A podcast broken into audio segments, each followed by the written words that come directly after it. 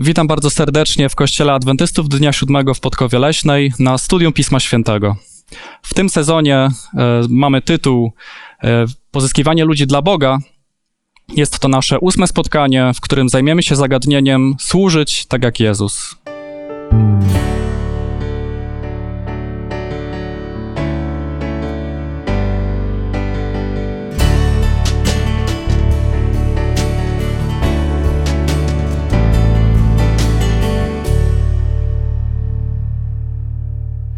Będziemy studiować Boże Słowo wspólnie z Małgorzatą i Sanią. Ja mam na imię Szymon i rozpoczniemy studium Słowa Bożego modlitwą. Ojcze nasz, który mieszkasz w niebie, dziękuję Ci bardzo za okazję otwarcia Twojego słowa. Dziękuję Ci bardzo za przykład Pana Jezusa, za to, że nam go dałeś. Dziękuję Ci za Jego życie i Jego zwycięstwo nad grzechem. Dziękuję Ci za to, że, za to, że teraz możemy przy, przyjrzeć się temu, jak postępował, jak traktował ludzi. Proszę Cię o Twoją obecność, o Twoje prowadzenie, o to, abyś otwierał nasze oczy i pomóż na, pomógł nam dostrzec Jego zachowanie, abyśmy mogli zobaczyć Jego przykład, zachętę i inspirację do tego, aby tak postępować też w naszym życiu. Proszę Cię o to w imieniu Pana Jezusa. Amen. Amen. Życie Jezusa było całkowite, całkowicie poświęcone służbie innym. Od Niego mamy swoją nazwę jako chrześcijanie. Przez Niego też jesteśmy wezwani do służby, ale poza tym, co oczywiste, dlaczego akurat będziemy przyglądać się przykładowi Jezusa? Co w nim jest takiego unikalnego, czego będziemy chcieli dzisiaj się nauczyć? Co będziemy dzisiaj w nim szukać? Dlaczego akurat on jest tematem naszego studium? Pytanie jest z jednej strony niezwykle trudne i bardzo rozbudowane, bo trudno zawrzeć w jednym słowie, czy nawet w dwóch, w jednym zdaniu, e, dlaczego Jezus i dlaczego Jezus jest unikalny. Jest naszym zbawicielem, jest naszym wzorem, jest podstawą, czy powinien być podstawą życia chrześcijanina. Wszystko, co robił, e, to w jaki sposób żył, powinno nam dawać przykład i my powinniśmy się na, na tym przykładzie wzorować. Mhm. Był oczywiście i jest jedyny w swoim rodzaju. Jako Syn Boży, jako Bóg zaparł się wszystkiego i przyszedł na ten świat, żeby nas zbawić. Jest najpiękniejszym i jedynym przykładem chyba prawdziwego altruizmu. I jak rozmawiamy o służbie dla ludzi, no to nie możemy na nikogo innego częściej patrzeć niż na Jezusa, bo On daje nam najlepszy, najpiękniejszy przykład. I doskonały przykład. Mhm. Otwórzmy Ewangelię Mateusza na rozdziale 9 i przeczytam werset 36, który nas wprowadzi w ten przykład, jakim jest nasz Zbawiciel, ten doskonały przykład. A widząc lud, użalił się nad nim, gdyż był utrudzony i opuszczony, jak owce, które nie mają pasterza. Jaką motywację miał Jezus, kiedy służył? Co kierowało nim? Dobro drugiego człowieka. W tym tekście e, jest powiedziane, że no, po prostu widział, w jakim stanie są ci ludzie i nie przeszedł obok, obojętnie wo wobec tego. To, to jest niesamowite, żeby tak zależało na każdym człowieku. Ten przykład jest, jest jeszcze piękny, bo pokazuje, że Jezus naprawdę nie był skupiony tylko na swojej misji, jakbyśmy to mogli powiedzieć. Jego misją, co tutaj było? On głosił Ewangelię mógłby oczekiwać, tak jak my czasami oczekujemy, jak ludzie przychodzą do nas, albo my po prostu z kimś rozmawiamy o Ewangelii, to czego oczekujemy? Że ta druga strona nas słucha. I my wtedy często nie myślimy, nie myślimy, czy akurat ona jest głodna, czy akurat ma jakiś problem życiowy, jaki tam bagaż doświadczeń ze, doświadczeń ze sobą niesie. A tutaj Jezus, który mógłby oczekiwać, no tak pięknie głoszę, wszyscy powinni mnie słuchać i to jest moja misja, nic innego mnie nie interesuje zauważył, że ci ludzie są głodni. I na ten moment jakby przerywa, przerywa ewangelizację, w cudzysłowie oczywiście, bo ta jego służba przez podanie tego, czego oni potrzebują, ci spragnieni posiłku ludzie, on tak naprawdę jakby tą ewangelizację przypieczętował. Pokazał praktycznie. Ja chcę was zbawić, znam wasze potrzeby i mogę każdą potrzebę zaspokoić. Mhm. tak, czyli służba stosownie do potrzeb ludzi. Bez wątpienia ludzie potrzebują zbawienia w Chrystusie, to jest główna rzecz, ale też okazjonalnie potrzebują coś zjeść, potrzebują, aby ich e, uzdrowiono, potrzebują, aby ktoś ich wysłuchał, potrzebują pocieszenia. Dlaczego tak ważne jest, aby odpowiadać ludziom na potrzeby, które bieżące są dla nich, które aktualnie mają? Co to tak sprawia w sercach ludzi?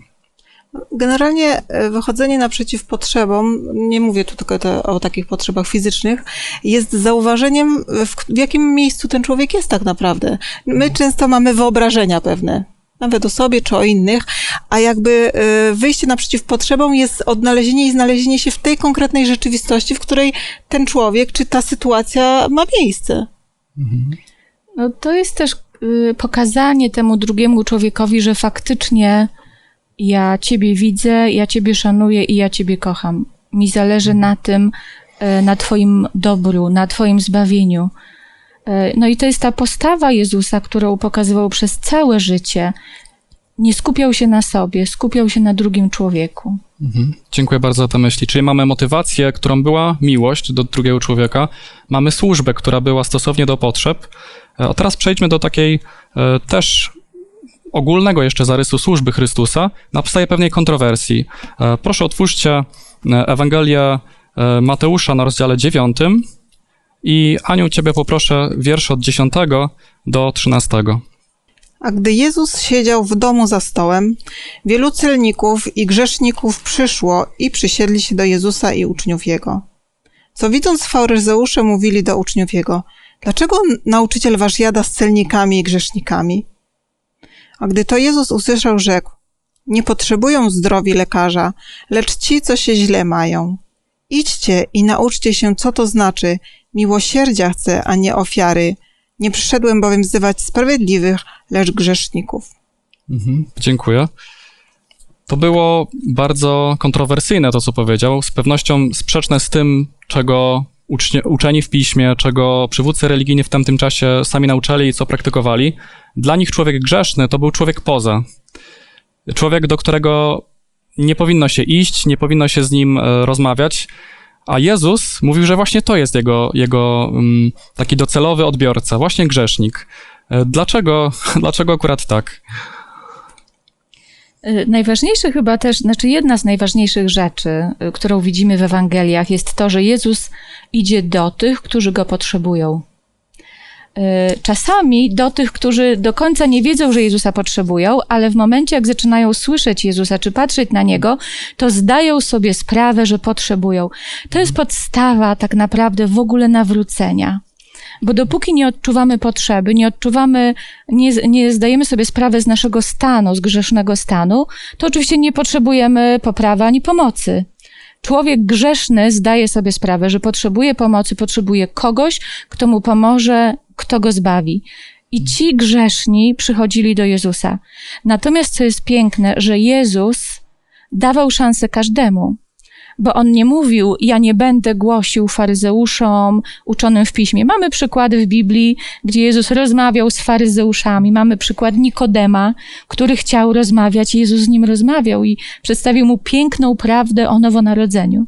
Mamy inne przykłady Jezus się nie, od, y, jakby nie separował od nikogo. Każdemu, kto chciał słuchać, głosił słowo, głosił Ewangelię.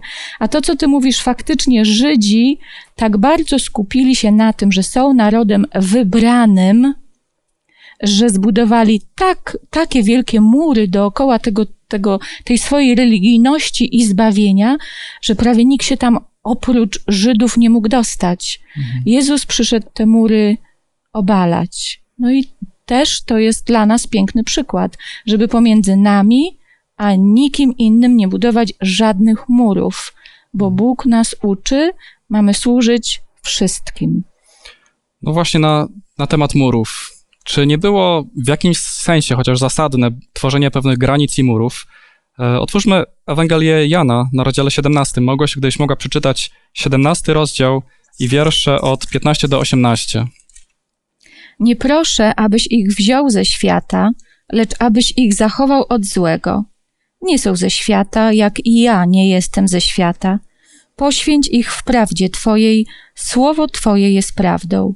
Jak mnie posłałeś na świat, tak i ja posłałem ich na świat. Dziękuję. Więc mamy przykład Pana Jezusa. E, praktyczny przykład, tak? Z, z, z przykładu, kiedy z celnikami, grzesznikami jada, ale teraz jest wezwanie dla nas i modlitwa Jezusa za nas, za, za mnie, za was, za cały Kościół. Właśnie jak to jest z tymi granicami? Jak, jak my możemy dzisiaj, tak praktycznie, być na świecie, ale nie być ze świata? Ja myślę, że Jezus miał bardzo taką silną tożsamość. Wiedział, kim jest. I to było tak e, na początku, jak powiedziałaś, że Jezus był wśród tych, którzy go potrzebują. I on miał świadomość tego, że każdy go potrzebuje. I nadal tak jest. I myślę, że kiedy e, ja czy każdy z nas ma tożsamość, e, kim jest, to wtedy umie się zachować w różnych okolicznościach, zgodnie z tym, kim jest. Ja bym jeszcze dodała, że to są być ze świata, a służyć światu, to mhm. są zupełnie dwie różne rzeczy. Mhm. Bo mamy służyć każdemu, ale mamy być jak Jezus w charakterze, w poświęceniu, w praktycznej wierze na co dzień. To, że mamy spotykać się z grzesznikiem, to tak jak Jezus. Jezus się spotykał z grzesznikiem, ale czy on przejmował grzechy tego człowieka na zasadzie, że zaczynał grzeszyć tak jak ten człowiek? Nie. On był wierny Bogu, on był wierny wszystkim przykazaniom Bożym, bardzo często nawiązywał do tych przykazań, do wierności, ale też dzięki czemu? Bo utrzymywał ścisłą relację z Bogiem. Mhm. E, I to też jest dla nas taka lekcja, bo czym częściej idziemy do świata tam służyć, to tym większe oparcie i mocniejsze musimy mieć w Bogu, żeby nie przejąć przyzwyczajeń i sposobu życia tego mhm. świata. Bardzo dziękuję za te myśli. E, Pan Jezus praktycznie każdy dzień, cały dzień służył, od rana do późnej nocy, ale te noce pamiętamy, jak wyglądały u Niego. Tu bez wątpienia to, co powiedziałaś, znajduje potwierdzenie w Słowie Bożym. Jezus bardzo dużo czasu spędzał na łączności z Ojcem poprzez modlitwę, poprzez rozmyślanie nad swoją służbą. Ta łączność była tak niezachwiana, że potem ani ten dom grzesznika, ani e, dłonie e, grzesznicy, ani e, te przykłady ludzi, których miał wokół siebie, nie mogły go już złamać, nie mogły na niego mieć wpływu, bo on już był pod wpływem e, tej relacji z Ojcem. Teraz przyjrzymy się takiemu zagadnieniu, jak Jezus traktował ludzi na kilku przykładach. Pierwszy przykład E, znajdziemy w, mm, w Ewangelii Marka, w rozdziale 12. E, poproszę Ciebie, Aniu, Ewangelia Marka, 12 rozdział i wiersz 34. Mamy tam uczonego w piśmie, który był w grupie faryzeuszów, uczonych, zadawali Jezusowi pytania. I pytanie było, jakie przekazanie jest największe? Jezus powiedział, ten, ten wyjątkowy uczony w piśmie, on zgodził się i właśnie czytamy, jak Jezus go potraktował. Wiersz 34. A Jezus, widząc, że on rozsądnie odpowiedział, rzekł mu: Niedaleki jesteś od Królestwa Bożego. I nikt nie śmiał już więcej pytać. Mhm. Jak Jezus traktował autorytety religijne? To jest takie pytanie, na które ja bym mogła odpowiedzieć: Jezus traktował wszystkich tak samo. Więc jeżeli zadasz pytanie autorytety religijne, czy jakieś inne, czy kogoś innego, to zawsze będziemy odpowiadać tak samo. E, I my to teoretycznie wiemy. Pytanie, jak faktycznie uczymy się tego przykładu w naszym życiu codziennym. Powiedzmy, że taki uczony w piśmie, do kogo można by przyrównać takiego uczonego w piśmie teraz? E, Wykładowcy teologii. Kardynała jakiegoś, mhm. jakby przyszedł na przykład na jakieś nasze wydarzenie. Jak byśmy go potraktowali? Czy czołobitnie, czy lepiej od innych osób, które obok są, czy z pogardą, czy z niechęcią, e, czy z takim brakiem zaufania. Każdy z nas pewnie inaczej. Ale byłoby nam, myślę, trudno potraktować tą osobę dokładnie tak, jak każdą inną. Ale w czym? Bo ja, w czym Jezus, y, Jezus czasami napominał, innych pocieszał. Dla niektórych był bardzo łagodny, dla innych trochę bardziej ostry ale Jezus dopasowywał wszystko właśnie do potrzeby tego człowieka, potrzeby zbawienia. E, piękne jest to i niezwykle dla nas może trudne, że Jezus znał serca, ale nas też tego chce nauczyć. Więc chce nas nauczyć, żebyśmy nie, żebyśmy nie patrzyli na tytuły, na to, jak ktoś jest ubrany, e, na to, jak się zachowuje nawet, tylko żebyśmy chociaż spróbowali potraktować go po prostu jak brata albo jak siostrę, jak dziecko Boże, albo ewentualnie jak zagubione dziecko Boże. I tu Jezus nam pokazał, z jednej strony to jest uczony w piśmie, ale Jezus nie był czołobitny. Ale z drugiej strony, pomimo tego, że większość uczonych w piśmie i faryzeuszy odrzuciła Jezusa, to Jezus też dał mu szansę i, i co jeszcze pochwalił go. Słowami, które jejciu, ja bym chciała usłyszeć. Niedaleko jesteś od Królestwa Bożego. To były słowa, które, no ja nie wiem, czy my byśmy byli w stanie y, komuś takiemu teraz powiedzieć. Mhm. No ale tak pomyślałam, że to jest sztuką, żeby skupić się na pozytywnej rzeczy, bo równie dobrze można by powiedzieć, no jeszcze trochę ci brakuje do tego Królestwa Bożego. Chociaż jakby sytuacja jest ta sama, ta sama, ale skupienie się na pozytyw, pozytywach danego człowieka, no powiem szczerze, dla mnie jest sztuką. I to nie znaczy, że Jezus nie widział też negatywów, no bo zdawał sobie sprawę, że jednak ten człowiek ma pewne braki, albo nawet y, nie, niekoniecznie chce to tak y, prostolinijnie przyjąć. Ale zwrócenie uwagi na to i powiedzenie, no na dobrej drodze jesteś, idź dalej, bo niedaleko, no jest na pewno sztuką i taką inspiracją, jak ktoś cię zachęca i, i zwraca uwagę na dobre rzeczy. Mhm.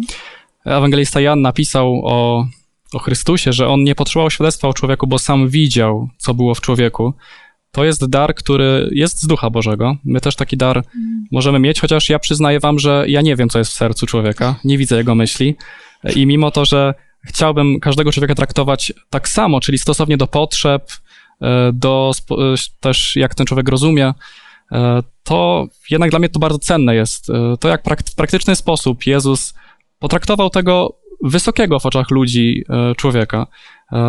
Autorytet, z jednej strony nie był czołobitny, a z drugiej strony zachował szacunek, zachował powagę, e, a jednocześnie dał mu to, czego, czego on mhm. potrzebował. To teraz z tego najwyższego autorytetu przejdźmy, przejdźmy na, można powiedzieć, sam dół. Kolejny przykład. E, Małgosiu, gdybyś mogła przeczytać e, fragment zapisany, fragment zapisany w Marka 10, werset od 46 do 52. I przyszli do Jericha, a gdy wychodził z Jericha on oraz jego uczniowie i mnóstwo ludu, syn Tymeusza, Bartymeusz, ślepy żebrak, siedział przy drodze. Usłyszawszy, że to Jezus z Nazaretu, począł wołać i mówić: Jezusie, synu Dawida, zmiłuj się nade mną. I gromiło go wielu, aby milczał. A on tym więcej wołał: Synu Dawida, zmiłuj się nade mną. Wtedy Jezus przystanął i rzekł: Zawołajcie go. I zawołali ślepego, mówiąc mu: Ufaj, wstań, woła cię. A on zrzucił swój płaszcz, porwał się z miejsca i przyszedł do Jezusa. A Jezus, odezwawszy się, rzekł mu: Co chcesz, abym ci uczynił? A ślepy odrzekł mu: Mistrzu, abym przejrzał. Wtedy mu rzekł Jezus: Idź, wiara twoja uzdrowiła cię. I wnet odzyskał wzrok i szedł za nim drogą. Ten przykład jest o tyle interesujący, że e, z kontekstu kulturowego e, wiemy, że imiona oznaczały często charakter albo takie cechy najbardziej u człowieka widoczne. E, Bartymeusz, bohater tej, tej historii, ma takie dwa, dwuczłonowe imię. Jest synem Tymeusza, bo bar oznacza syn, a Tymeusz oznacza nic innego jak brudas. Także ślepy żebrak był synem brudasa. Dużo nam to może powiedzieć o tym, kim był ten człowiek, e, jak wyglądał, jak pachniał. I widzimy jego bez wątpienia wielką potrzebę, ale jak tutaj Jezus traktuje tego, tego człowieka? Człowieka, który już na wierzchu miał wiele rzeczy, które innych od niego odrzucały. No to może ja powtórzę to, co mówiłam wcześniej, tak samo jak każdego innego. Mhm. A czy to jest łatwe traktować e, tak samo, czyli tego człowieka, który jest autorytetem, darzyć go pewnym szacunkiem, albo nieco dać mu tak coś do zrozumienia i tak samo traktować tego człowieka, który, który siedzi gdzieś w takim rynsztoku, który brzydko pachnie, którym inni gardzą. czy to jest łatwe tak samo traktować e, obie takie postacie? Oczywiście, że nie. I nie będę tutaj udawała, że to jest łatwe, mhm. ale robi się łatwiejsze, jeżeli zaczynamy z tymi ludźmi przestawać. E, jeżeli wykonujemy jakąś misję wśród tych ludzi, rozdając jedzenie, rozdając picie, albo jeżeli chociaż raz przejdziemy się e, po miejscu, gdzie takie osoby przebywają, a w każdym mieście czy miasteczku takie miejsca są, podejdziemy i damy kawałek pieczywa albo jakiś owoc e, i zobaczymy tak naprawdę, że to jest taki sam człowiek jak ja. I jeżeli z takimi osobami zaczniemy przebywać, tak jak Jezus też z takimi osobami przebywał, e, to to się robi coraz łatwiejsze, ale pozornie, jeżeli, jeżeli pochodzimy z takich powiedzmy normalnych domów i nigdy nie otarliśmy się o skrajne ubóstwo albo bezdomność, to dla nas jest to po prostu trudne. Ale jeżeli trudne, to co możemy robić? Wracać do źródła, jakim są historie Jezusa i uczyć się, jak on tych ludzi traktował. Ja też myślę, że e, staje się to łatwiejsze wtedy, kiedy nie patrzymy na człowieka przez, e, czy nie postrzegamy wartości człowieka przez pryzmat jego pozycji społecznej czy stanu posiadania, bo wartość człowieka jest w jego człowieczeństwie. I to nieważne, czy on ma drogi płaszcz, czy on ma poszarpane y, łachmany na sobie, ale jest człowiekiem. I to myślę, że Pan Jezus widział w każdym, y, kogo spotkał na swojej drodze. A co jeszcze więcej, jak kiedyś przeczytałam w życiu Jezusa, że Jezus patrząc na takiego Bartymeusza na przykład, widział, co łaska Boża może z nim zrobić. I to jest, słuchajcie, niesamowite, żeby patrząc na żołędzia widać, widzieć potężne drzewo. I myślę, że właśnie tak Jezus, patrząc na kogoś, kto był w takim stanie w tym momencie, on wiedział, że jeśli skorzysta z tej oferty i z Bożej pomocy, to będzie obywatelem Jego królestwa. Dziękuję ja bym za... może jeszcze mhm. dodała taką praktyczną poradę dla osób, które mają z tym problem. Ja bym takich osób też nie oceniała, naprawdę, bo to po prostu nie jest łatwe ani naturalne.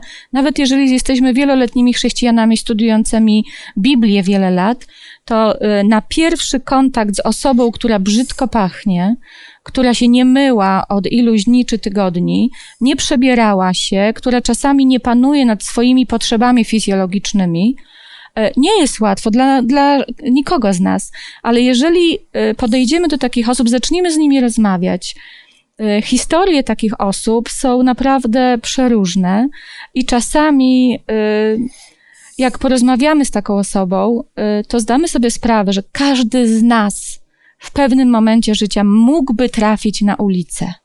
Każdy z nas. Są tak różne historie życiowe tych ludzi, E, że ja polecam naprawdę przejść e, przez takie miejsca, gdzie te osoby są, e, z bułkami, z wodą butelkowaną, z jakimiś sokami w kartonikach, chwilę zatrzymać się, chwilkę porozmawiać i podzielić się jedzeniem.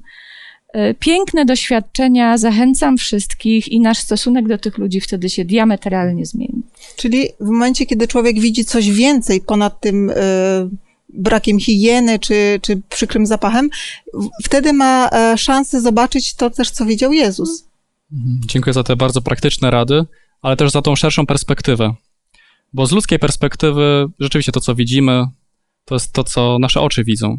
Ale kiedy te myśli padły, przypomnij sobie, że Jezus, on był synem Bożym, to z jego perspektywy, z perspektywy nieba, każdy z nas jest takim Tymeuszem i synem Tymeusza, każdy z nas jest, jeśli chodzi o grzech, o w świetle nieba, jest po prostu brudasem, jest po prostu człowiekiem brudnym, grzesznym, e, można tak w cudzysłowie powiedzieć skończonym.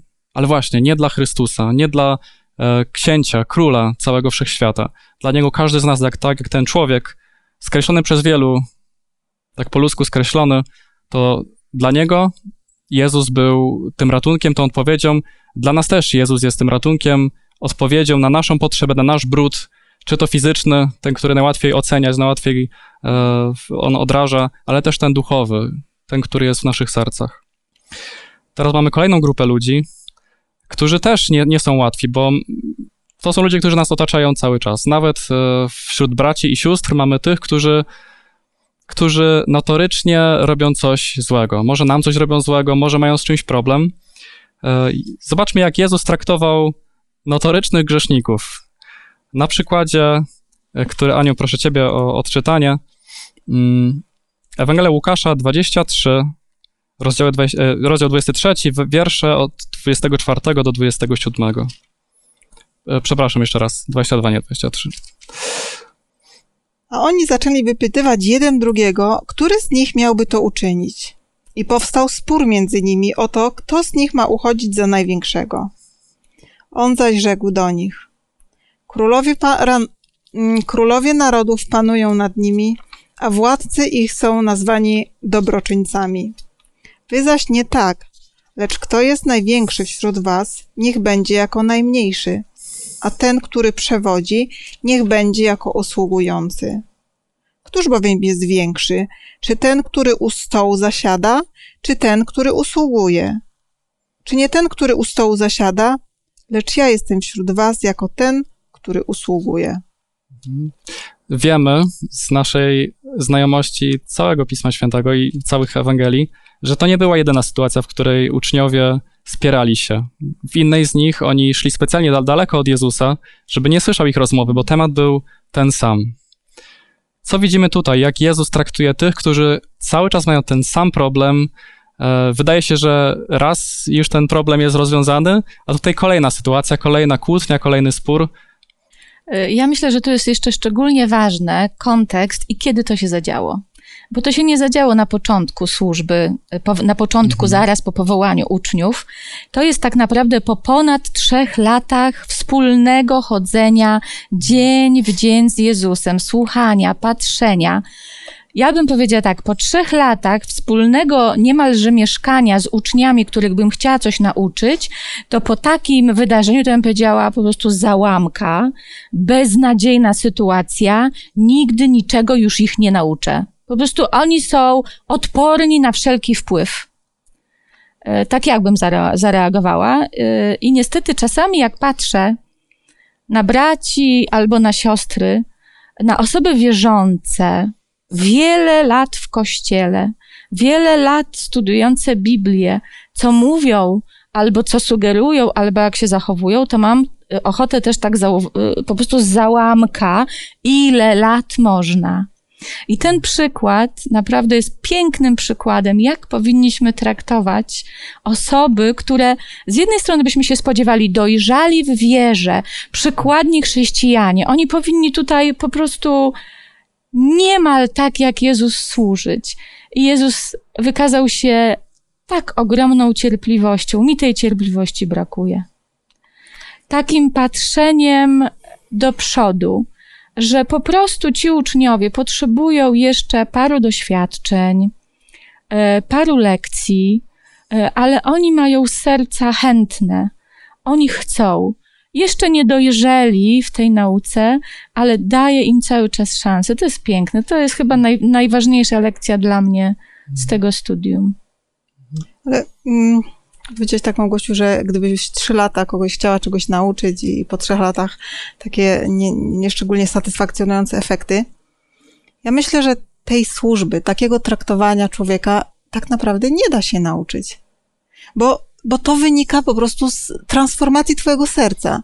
I tylko dlatego, że Jezus po prostu był stuprocentową miłością. Był uosobieniem tego, jaki jest jest, no jak jest Pan Bóg, tak? On potrafił to w każdej chwili wyciągnąć, po prostu się to objawiało. I myślę, że tylko wtedy, kiedy y, uczniowie doświadczyli tego, to znikły te spory. I tak samo w naszym życiu, kiedy, kiedy nastąpi ta, ta nowa natura tak naprawdę, to, to wypełnienie innym duchem niż duch egoizmu, to tylko wtedy będzie możliwe to, o czym mówimy.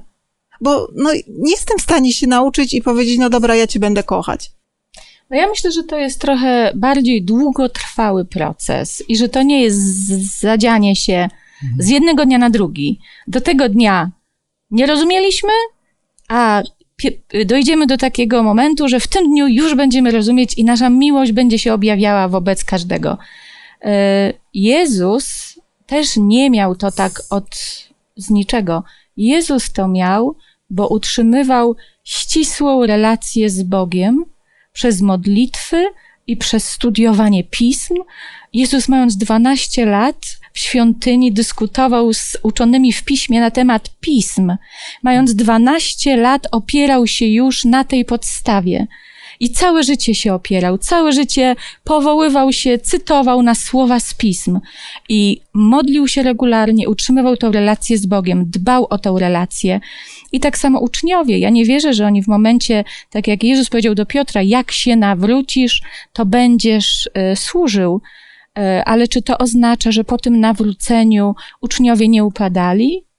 Patrząc na służbę Pawła, któremu się zdarzały różne wydarzenia, a był człowiekiem, który przeszedł no, bardzo takie y, dosadne nawrócenie w jednym czasie. Czy to go wtedy o 100% zmieniło?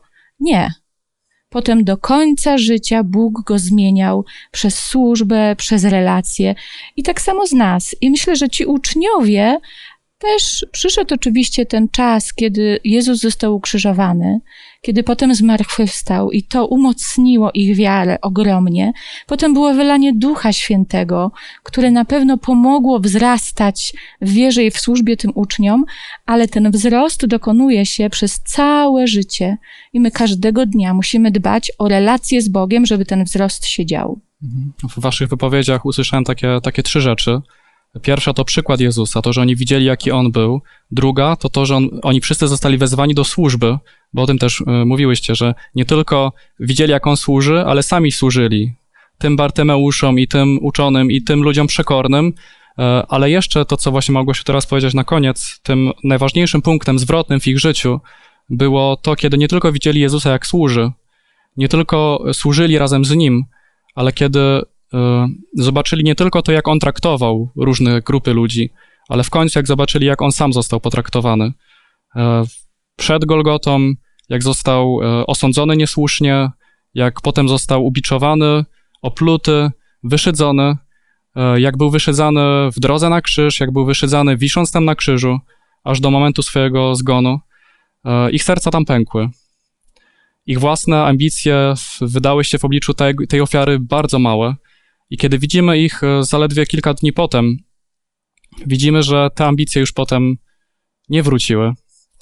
Jak ważne dlatego jest to, aby nie tylko służyć, bo jesteśmy wszyscy wezwani do służby, nie tylko patrzeć na ten przykład służby Jezusa, ale zwłaszcza tą służbę w tym ostatnim momencie jego życia. Ten cały, to sedno, ten cel, dla którego on w ogóle przyszedł na świat.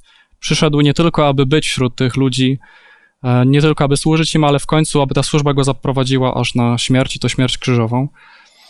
Mm, na końcu chciałbym, abyśmy przyjrzeli się jeszcze pewnemu takiemu podziałowi, e, czemu Jezus poświęcał uwagę w swojej służbie. E, w tym celu otwórzmy mm, Ewangelię Mateusza na rozdziale czwartym, wiersze 23, 24 i 35. Małgosiu, gdybyś to mogła przeczytać. I obchodził Jezus całą Galileę, nauczając w ich synagogach i głosząc Ewangelię o Królestwie i uzdrawiając wszelką chorobę i wszelką niemoc wśród ludu. I rozeszła się wieść o nim po całej Syrii. I przynosili do niego wszystkich, którzy się źle mieli i byli nawiedzeni różnymi chorobami i cierpieniami, opętanych, epileptyków i sparaliżowanych, a on uzdrawiał ich. I szły za nim liczne rzesze z Galilei, i z Dziesięciogrodu, i z Jerozolimy, i z Judei, i z Zajordania. Mhm. Jakie dziedziny były w, w takim planie misyjnym Jezusa Chrystusa? Nauczał. Mhm. Tutaj było pierwsze i robił to mm, w synagogach, czyli tak tradycyjnie, ale też y, praktycznie uzdrawiając, czyli wśród ludzi był. E, I jeszcze Głosił Ewangelię. Tak. Ja się nawet. I jeszcze jedno to, to, że przemieszczał się, że jego jakby nie skupiał się tylko na jednym miejscu, tylko i, i nie tylko liczył na to, że ktoś do niego przyjdzie, ale był gotowy mhm. zmienić to. No jak nauczyciel, y, no ja tutaj uczę, przyjdź do mnie, nie? Ale jak on jest gotowy, słuchaj, to ja pójdę do ciebie, no to już jest naprawdę dodatkowe poświęcenie i, i pokazanie, że mi zależy na tym uczniu. Mhm. No widać tutaj, że służba Jezusa była wszechstronna yy, i taka i teoretyczna, i praktyczna. I trochę nas to uczy, żeby też zachować taką równowagę. Yy, czasami mamy takie rozmowy yy, i nawet jest taki tekst, którym ja osobiście się, prawdę mówiąc, nie do końca zgadzam. Dosłownie nie pamiętam, może wy mnie poprawicie, że pokazuj życiem, a jak... Yy, Głoś Ewangelię. głoś razie Ewangelii, potrzeby a w razie potrzeby mów. Używaj słów. Używaj słów. Y, Ja jestem raczej zwolennikiem tego głoś Ewangelię i zawsze wytłumacz, dlaczego to robisz. Bo jeżeli y, działań takich charytatywnych i, fi, y, y, organizacji charytatywnych teraz jest naprawdę bardzo dużo. Są ogromne fundacje wspierane przez ogromne firmy, które działają charytatywnie z różnych pobudek. I czasami są to pobudki takie bardzo przyziemne, podatkowe, wizerunkowe. Każda duża firma, każda duża korpor- korporacja ma działania charytatywne. Ale one bardzo często nie wynikają z pobudek dobroczynności, e, altruizmu i tak dalej, tylko z takich pobudek, żeby zbudować wizerunek swojej marki odpowiednio. Dlatego w tym, w tej sytuacji, jaka teraz jest, w tej rzeczywistości, zawsze, jeżeli pomagamy, powinniśmy powiedzieć, tak mnie uczy Bóg. Tak mnie uczy Jezus, tak Jezus służył, dlatego ja to robię. Nie musimy nic więcej mówić, ale żeby jednak ta druga osoba, która w jakiś, której w jakiś sposób pomagała, wiedziała skąd jest źródło. Bo jak ma być? Ludzie patrząc na nas mają wielbić Boga, który jest w niebie, a nie mnie za to, co ja robię. Czyli, żeby go wielbić, mamy obowiązek na niego wskazać. Dokładnie. Czyli nie było podziału takiego, że Jezus przez pierwszy rok koncentruje się na e, nakładaniu rąk, a w drugim coś powie. E, on zawsze każdemu e, dał możliwość dowiedzieć się, skąd ta moc jest, kogo ma wielbić. Nie było ani jednej osoby, która, która nie została z niczym, została uzdrowiona czy, czy pocieszona, a nie wiedziała, że za tym stoi e, Bóg. Mm, Ale dlaczego, w, w, tu Ania już trochę odpowiedziałaś na to pytanie, ale dlaczego właśnie w tym przemieszczaniu się często robił to e, nie kiedy już wszyscy zaspokoili swoje potrzeby, ale często w trakcie, a nawet były takie momenty, kiedy była kulminacja e, tego, kiedy najwięcej ludzi go szukało, e, chcieli, aby ich uzdrowił, chcieli go posłuchać, a on w tym momencie, kluczowym, takim e, momentum, w którym my byśmy po prostu chcieli być przy ludziach, on wtedy uchodził, oni musieli go uczać, nawet uczniowie musieli go szukać w tych momentach. Dlaczego? Co było dla niego ważne? Bo to w kontekście tym jeszcze pytania, jakie Jezus priorytety sobie stawiał w swojej służbie? Dlaczego były takie momenty, w którym pozwalał, aby ludzie chorzy e, zostali ze swoją chorobą? To niełatwe pytanie, prawda? Jest ktoś, kto jeszcze potrzebował, a nie zdążył. A on już był w innym mieście.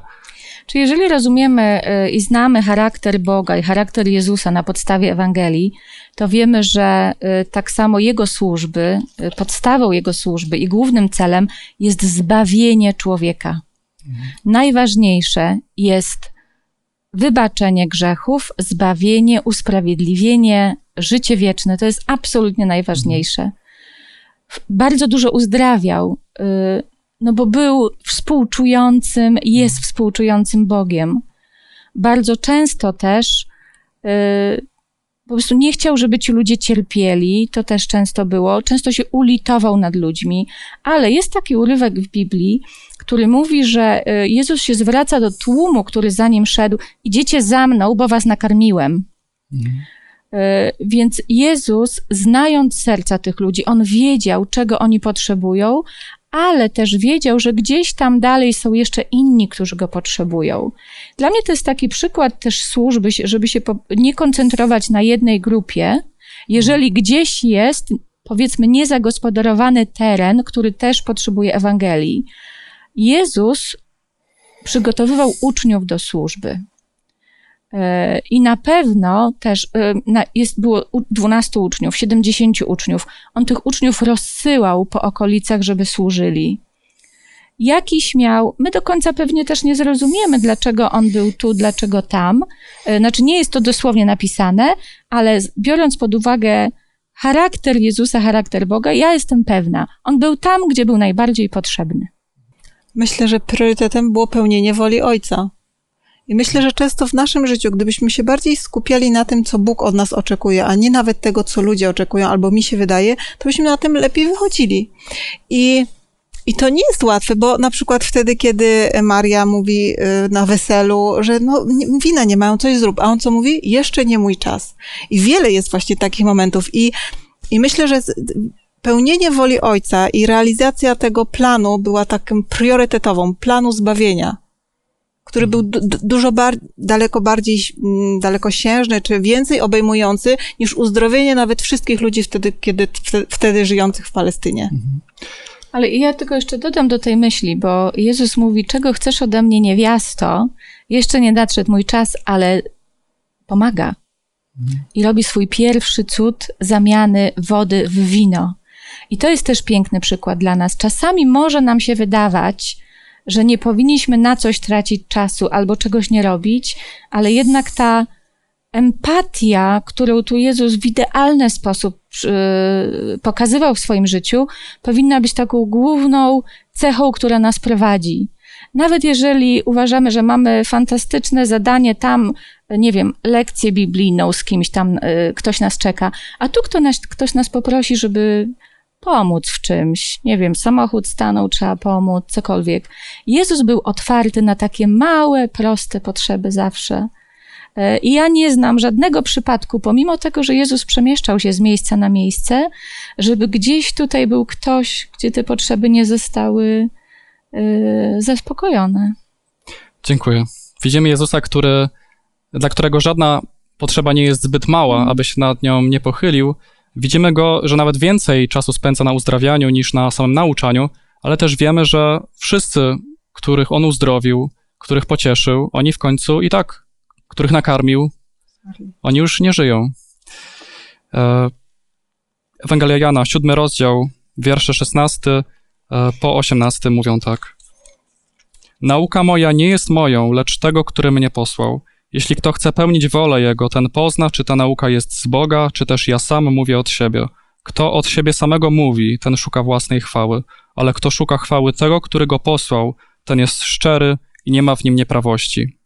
To jest jeden z wielu fragmentów, które moglibyśmy jako takie sedno, czym była służba Jezusa, e, przedstawić. On służył z motywacji, którą była miłość. On e, służył dlatego, że po to przyszedł na, na świat, dawał przykład takiej służby, ale dał nam przykład, że żeby nie, nie, nie służyć z powodu swojej, swojego zysku, tylko służyć dla dobra ludzi, ale przede wszystkim, aby uwielbić Boga, który jest w niebie. Także w takich trzech e, etapach mogliśmy prześledzić e, Jezusa. Mogliśmy zobaczyć Jego motywację dzisiaj, mogliśmy zobaczyć, w jaki praktyczny sposób e, podchodzi do potrzeb ludzi, co skutkuje otwarciem ich serc, ale na końcu wzywał każdego z tych ludzi: pójdź za mną. I dzisiaj e, Pan Bóg i nas wzywa e, po tym wszystkim, po tym, kiedy mogliśmy zobaczyć to, jaki On jest, w jaki sposób On służył, nie tylko tym ludziom 2000 lat temu, ale też nam, mi, wam, każdemu z was po tamtej stronie kamery. I dzisiaj do nas Pan Jezus kieruje też wezwanie: pójdź za mną. Czy chcemy pójść za Jezusem? Czy chcemy pójść za tym przykładem, za Zbawicielem, który służył nam tak bardzo, że oddał swoje życie na krzyżu? Zakończymy to studium wspólną modlitwą. Panie nasz i Boże, bardzo Ci dziękujemy za to, że, że uczysz nas, jak służyć, jak kochać drugiego człowieka. I dziękujemy Ci za ten przykład Twojego Syna Jezusa, który wyparł się wszystkiego i przyszedł na tą ziemię, żeby służyć. Nie wywyższał się, cierpiał za nas. Spraw, Panie, żebyśmy zawsze na Jezusa patrzyli, żebyśmy od Niego przede wszystkim uczyli się, jak służyć, jak pomagać innym ludziom. I przede wszystkim, żebyśmy, jeżeli mamy jakieś gorsze chwile, wątpliwości, zniechęcenie, żebyśmy zawsze wracali do Słowa Bożego i do rozmowy z Tobą, żebyśmy dbali o tę relację z Tobą i ucz nas, Panie. Miej dla nas cierpliwość, tak jak do tej pory, za co Ci ogromnie dziękujemy. Amen. Amen. Dziękuję bardzo serdecznie e, internautom, którzy brali udział z nami w tym studium. Zapraszam za tydzień e, na dziewiąte spotkanie e, w pozyskiwaniu ludzi dla Boga, które będzie miało tytuł Rozwijanie zdolności pozyskiwania ludzi. Również dziękuję Małgosi, Ani za to, że wzięły udział, ale przede wszystkim Panu Bogu, który, e, który dał nam słowo, dał nam przykład, który możemy naśladować.